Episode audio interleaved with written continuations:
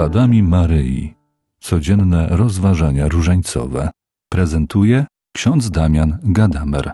Gdy ktoś pierwszy raz słyszy historię o odnalezieniu Pana Jezusa w świątyni, może być zaskoczony bystrością odpowiedzi Jezusa.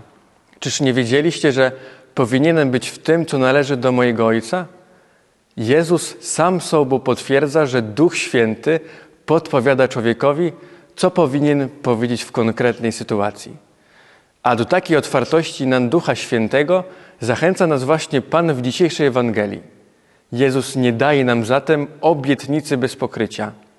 A co robi Maryja w tej sytuacji? To samo, co przy zwiastowaniu. Słucha słów pochodzących od Ducha Świętego i zgadza się na nie. W scenie odnalezienia Maryja uczy nas zatem posłuszeństwa natchnieniom Ducha Świętego, które są dane nam lub naszym bliźnim. Maryjo, naucz nas bycia otwartymi na Ducha Świętego.